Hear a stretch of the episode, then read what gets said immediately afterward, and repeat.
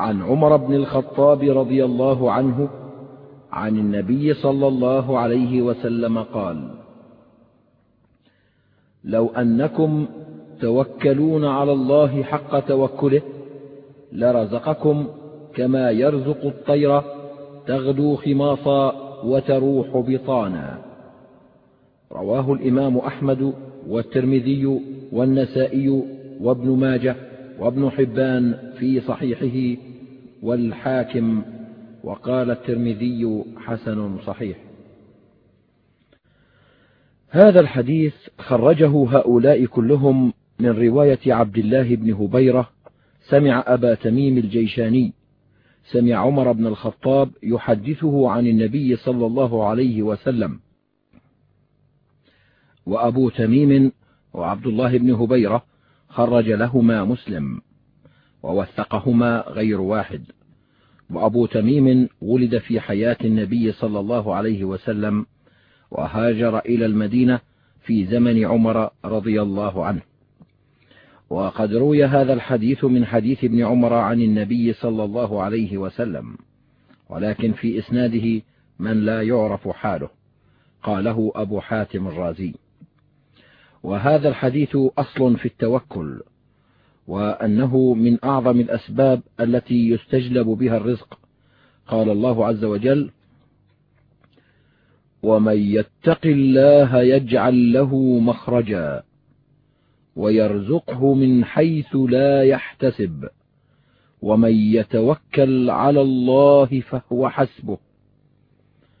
وقد قرأ النبي صلى الله عليه وسلم هذه الآية على أبي ذر وقال له لو أن الناس كلهم أخذوا بها لكفتهم يعني لو أنهم حققوا التقوى والتوكل لاكتفوا بذلك في مصالح دينهم ودنياهم. وقد سبق الكلام على هذا المعنى في شرح حديث ابن عباس. احفظ الله يحفظك. قال بعض السلف بحسبك من التوسل إليه أن يعلم من قلبك حسن توكلك عليه فكم من عبد من عباده قد فوض إليه أمره فكفاه منه ما أهمه ثم قرأ ومن يتق الله يجعل له مخرجا ويرزقه من حيث لا يحتسب. وحقيقة التوكل هو صدق اعتماد القلب على الله عز وجل في استجلاب المصالح ودفع المضار من أمور الدنيا والآخرة كلها. وكلة الأمور كلها إليه وتحقيق الإيمان بأنه لا يعطي ولا يمنع ولا يضر ولا ينفع سواه. قال سعيد بن جبير التوكل جماع الإيمان. وقال وهب بن منبه الغاية القصوى التوكل. قال الحسن إن توكل العبد على ربه أن يعلم أن الله هو ثقته.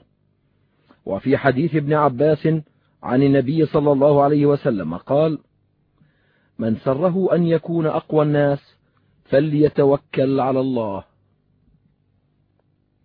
وروي عنه صلى الله عليه وسلم أنه كان يقول في دعائه اللهم إني أسألك صدق التوكل عليك. وأنه كان يقول اللهم اجعلني ممن توكل عليك فكفيته واعلم أن تحقيق التوكل لا ينافي السعي في الأسباب التي قدر الله سبحانه المقدورات بها وجرت سنته في خلقه بذلك. فإن الله تعالى أمر بتعاطي الأسباب مع أمره بالتوكل فالسعي في الأسباب بالجوارح طاعة له. والتوكل بالقلب عليه إيمان به. كما قال الله تعالى يا أيها الذين آمنوا خذوا حذركم. وقال وأعدوا لهم ما استطعتم من قوة ومن رباط الخيل. وقال فإذا قضيت الصلاة فانتشروا في الأرض وابتغوا من فضل الله. وقال سهل التستري من طعن في الحركة يعني في السعي والكسب فقد طعن في السنة. ومن طعن في التوكل فقد طعن في الإيمان. فالتوكل حال النبي صلى الله عليه وسلم والكسب سنته. فمن عمل على حاله فلا يتركن سنته. ثم إن الأعمال التي يعملها العبد ثلاثة أقسام. أحدها الطاعات التي أمر الله عباده بها وجعلها سببا للنجاة من النار ودخول الجنة. فهذا لا بد من فعله مع التوكل على الله فيه والاستعانة به عليه فإنه لا حول ولا قوة إلا به وما شاء كان وما لم يشأ لم يكن. فمن قصر في شيء مما وجب عليه من ذلك استحق العقوبة في الدنيا والآخرة شرعا وقدرا. قال يوسف بن أصباط كان يقال اعمل عمل رجل لا ينجيه إلا عمله وتوكل توكل رجل لا يصيبه إلا ما كتب له.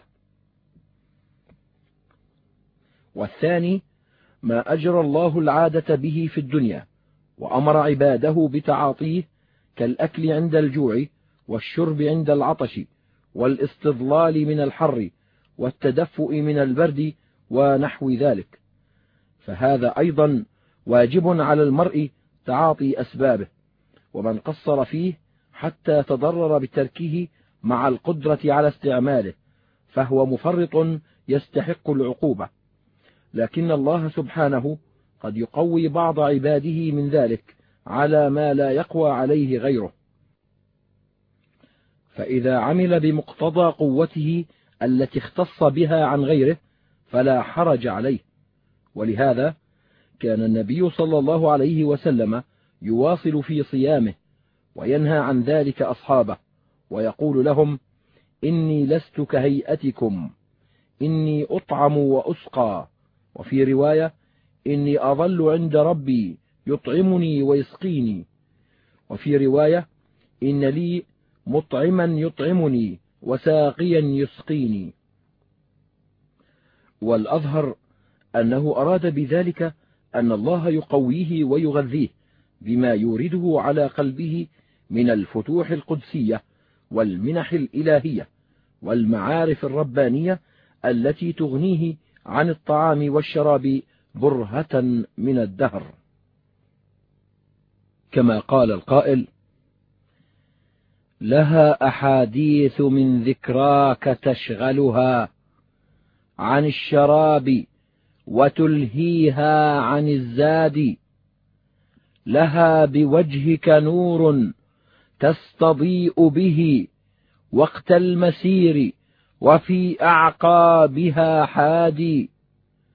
إذا اشتكت من كلال السير أوعدها روح القدوم فتحيا عند ميعاد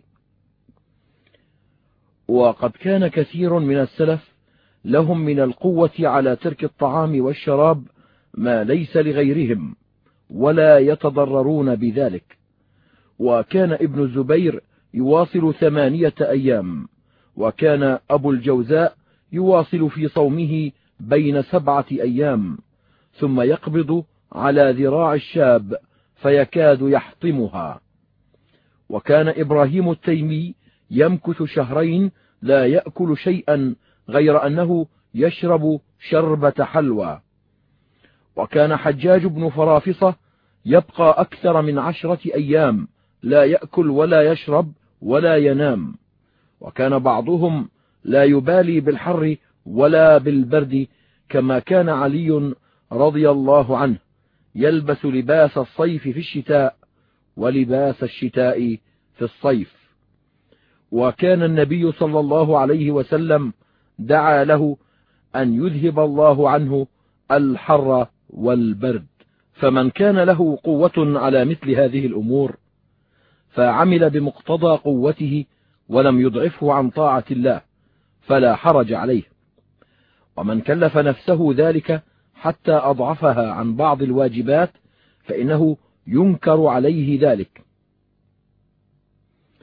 وكان السلف ينكرون على عبد الرحمن بن أبي نعم حيث كان يترك الأكل مدة حتى يعاد من ضعفه.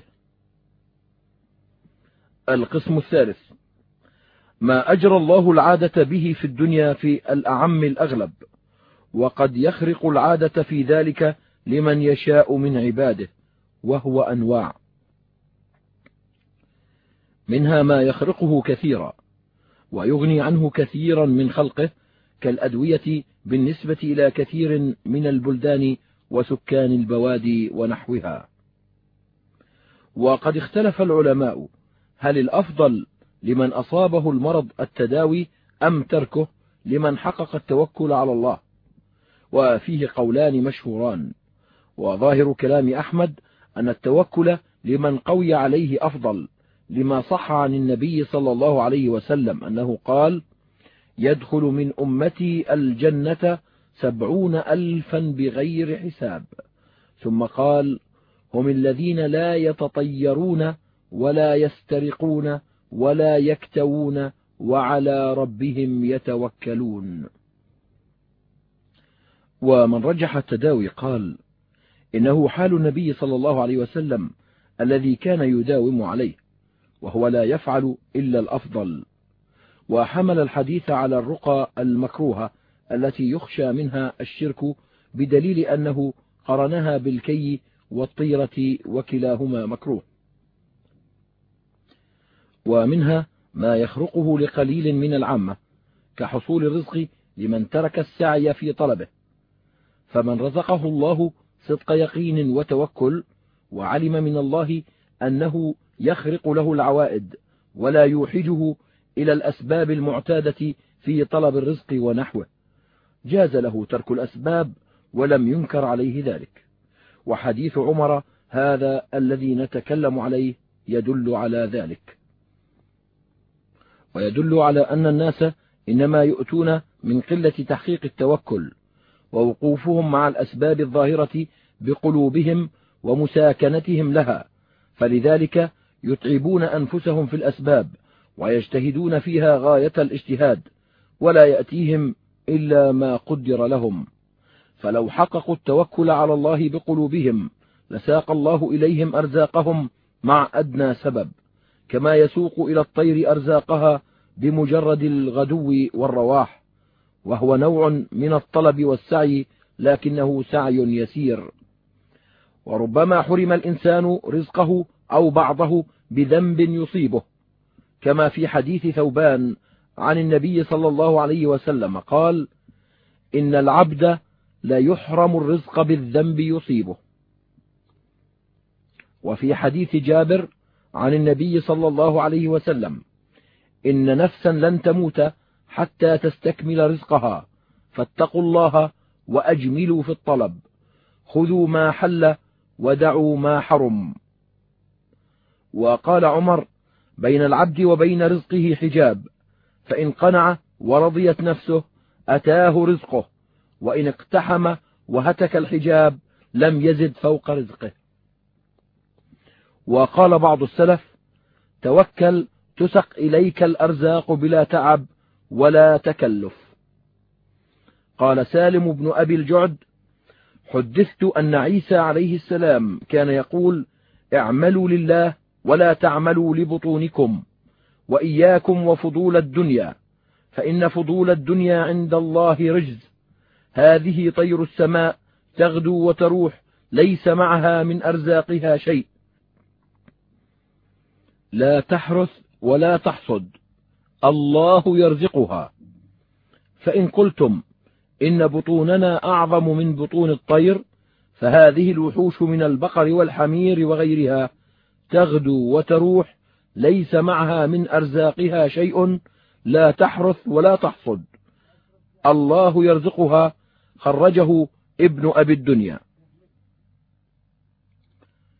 وخرج بإسناده عن ابن عباس قال كان عابد يتعبد في غار فكان غراب يأتيه كل يوم برغيف يجد فيه طعم كل شيء حتى مات ذلك العابد. وعن سعيد بن عبد العزيز عن بعض مشيخة دمشق قال أقام إلياس هاربا من قومه في جبل عشرين ليلة أو قال أربعين تأتيه الغربان برزقه. وقال سفيان الثوري قرأ واصل الأحدب هذه الآية وفي السماء رزقكم وما توعدون. فقال ألا إن رزقي في السماء وأنا أطلبه في الأرض؟ فدخل خربة فمكث ثلاثا لا يصيب شيئا. فلما كان اليوم الرابع إذا هو بدوخلة من رطب وكان له أخ أحسن نية منه فدخل معه فصارتا دوخلتين فلم يزل ذلك دأبهما حتى فرق الموت بينهما. ومن هذا الباب من قوي توكله على الله ووثوقه به. فدخل المفاوز بغير زاد فإنه يجوز لمن هذه صفته دون من لم يبلغ هذه المنزلة.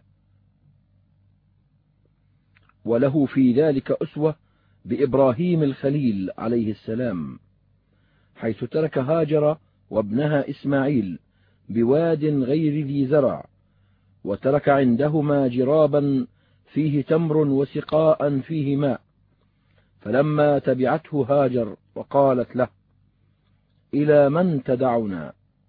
قال لها إلى الله. قالت رضيت بالله. وهذا كان يفعله بأمر الله ووحيه.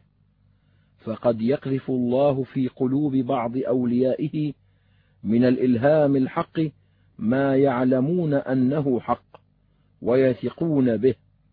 قال المروذي قيل لأبي عبد الله أي شيء صدق التوكل على الله؟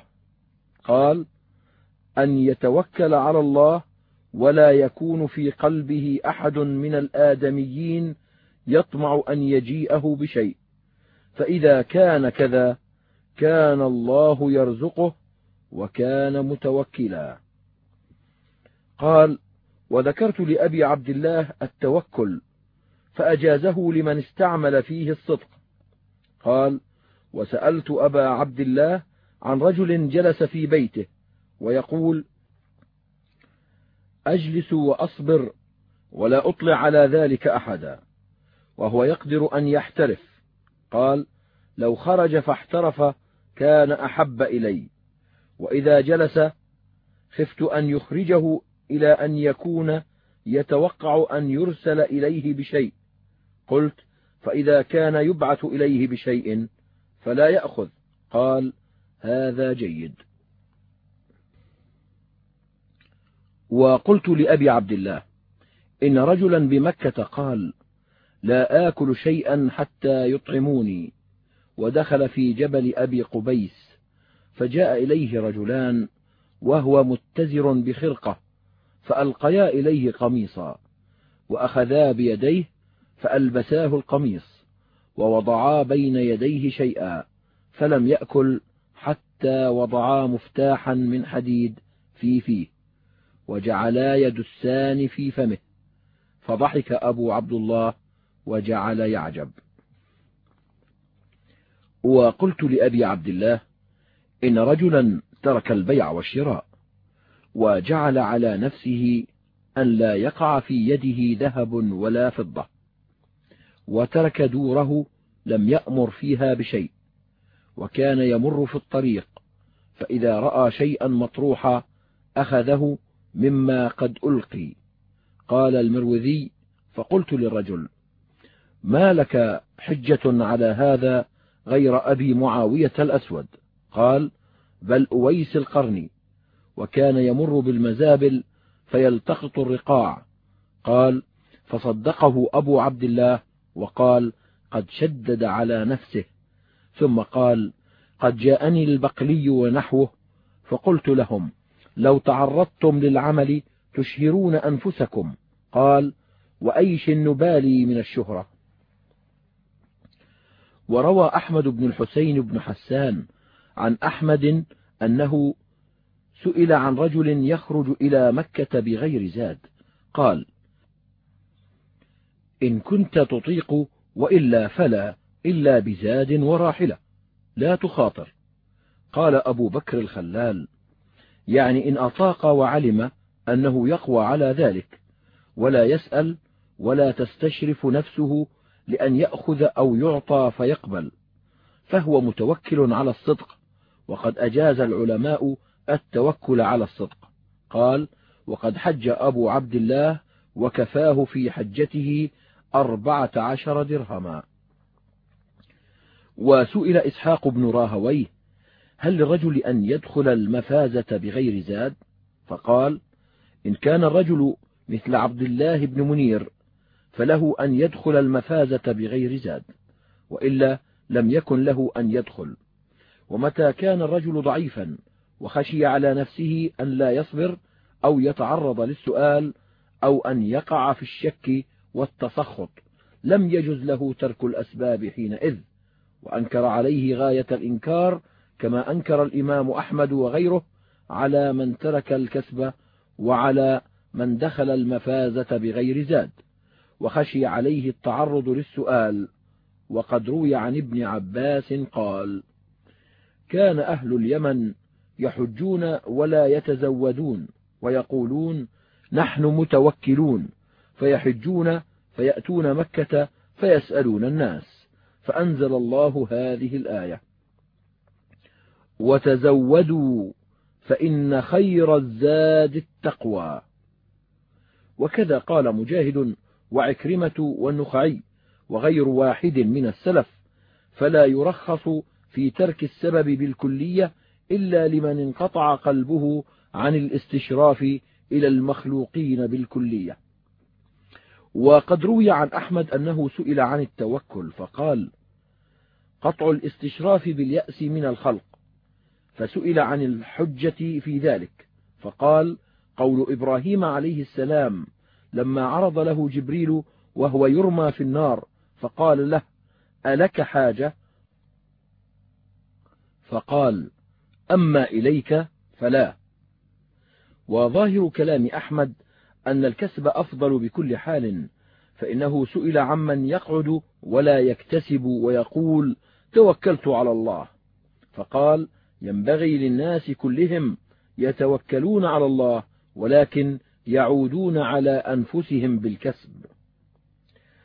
وروى الخلال بإسناده عن الفضيل بن عياض أنه قيل له لو أن رجلا قعد في بيته زعم أنه يثق بالله فيأتيه برزقه. قال إذا وثق بالله حتى يعلم منه أنه قد وثق به. لم يمنعه شيء أراده لكن لم يفعل هذا الأنبياء ولا غيرهم.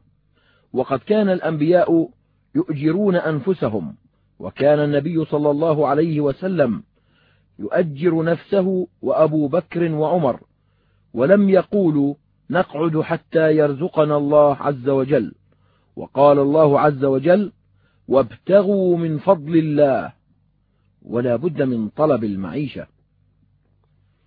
وقد روي عن بشر ما يشعر بخلاف هذا. فروى أبو نعيم في الحلية أن بشرا سئل عن التوكل فقال اضطراب بلا سكون وسكون بلا اضطراب. فقال له السائل فسره لنا حتى نفقه.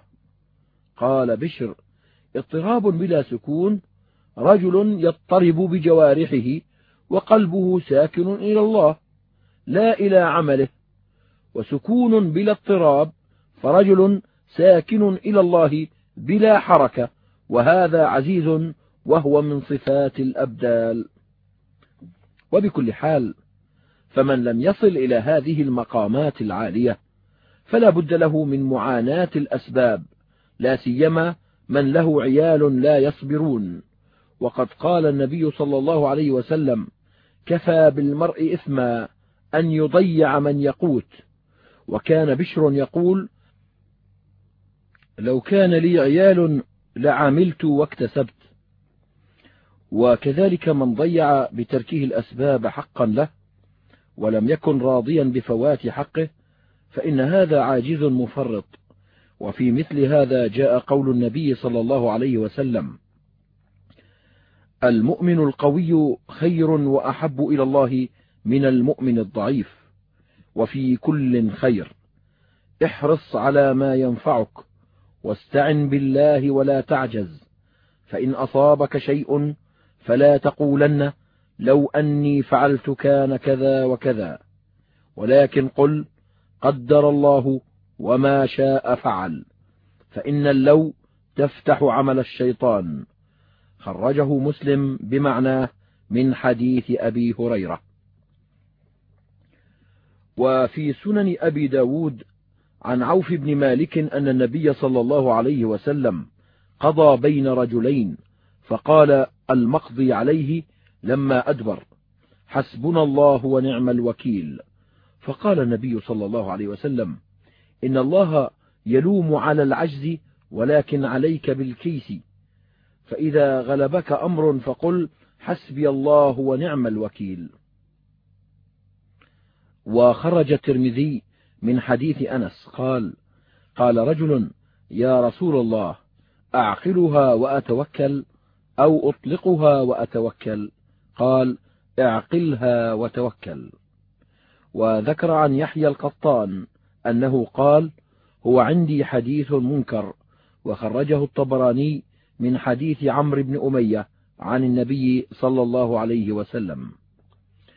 وروى الوضين بن عطاء عن محفوظ بن علقمة عن ابن عائذ أن النبي صلى الله عليه وسلم قال إن التوكل بعد الكيس وهذا مرسل ومعناه أن الإنسان يأخذ بالكيس والسعي في الأسباب المباحة ويتوكل على الله بعد سعيه وهذا كله إشارة إلى أن التوكل لا ينافي الإتيان بالأسباب بل قد يكون جمعهما أفضل.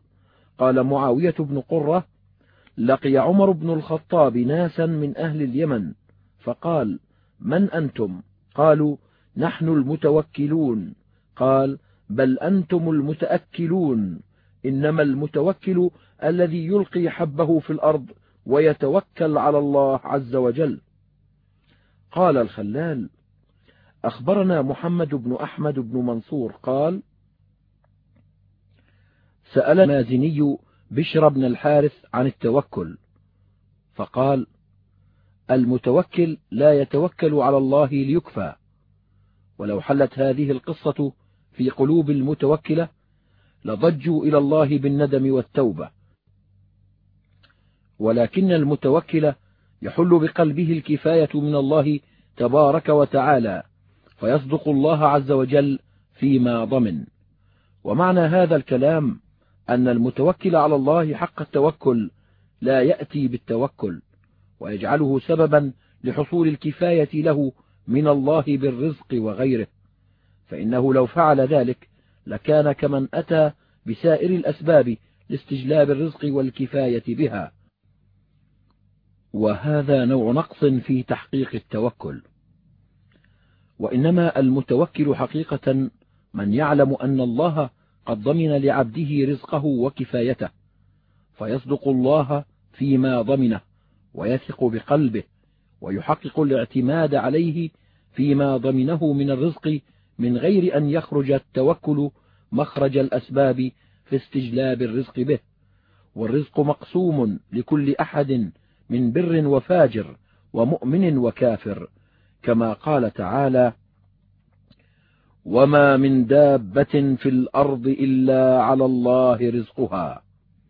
هذا مع ضعف كثير من الدواب وعجزها عن السعي في طلب الرزق. قال تعالى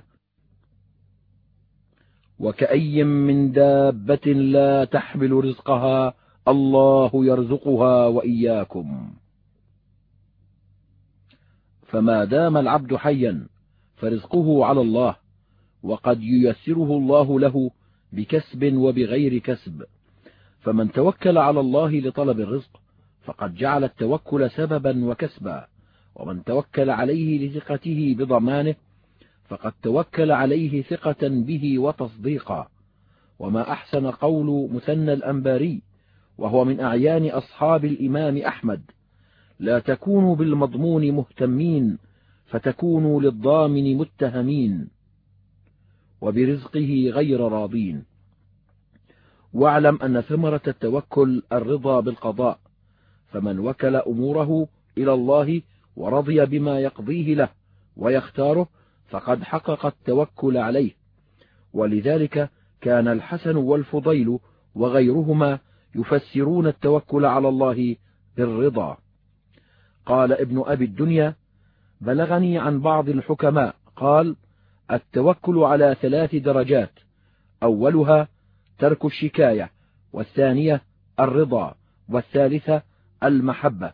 فترك الشكاية درجة الصبر والرضا سكون القلب بما قسم الله له وهي أرفع من الأولى والمحبة أن يكون حبه لما يصنع الله به فالأولى للزاهدين والثانية للصادقين والثالثة للمرسلين انتهى. فالمتوكل على الله إن صبر على ما يقدره الله له من الرزق أو غيره فهو صابر وإن رضي بما يقدر له بعد وقوعه فهو الراضي وإن لم يكن له اختيار بالكلية ولا رضا إلا فيما يقدر له فهو درجة المحبين العارفين كما كان عمر بن عبد العزيز يقول أصبحت وما لي سرور إلا في مواضع القبر